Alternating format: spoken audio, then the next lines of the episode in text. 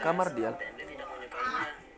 Karena itu, ia mengajukan mahar yang sangat tinggi yaitu 500 juta agar Sandrigo tidak dapat memenuhinya. Begini ada ada. ada Ketika sedang membersihkan pantai dari sampah, Henry yang merupakan aktivis lingkungan melihat orang Cina yang membuang sampah sembarangan.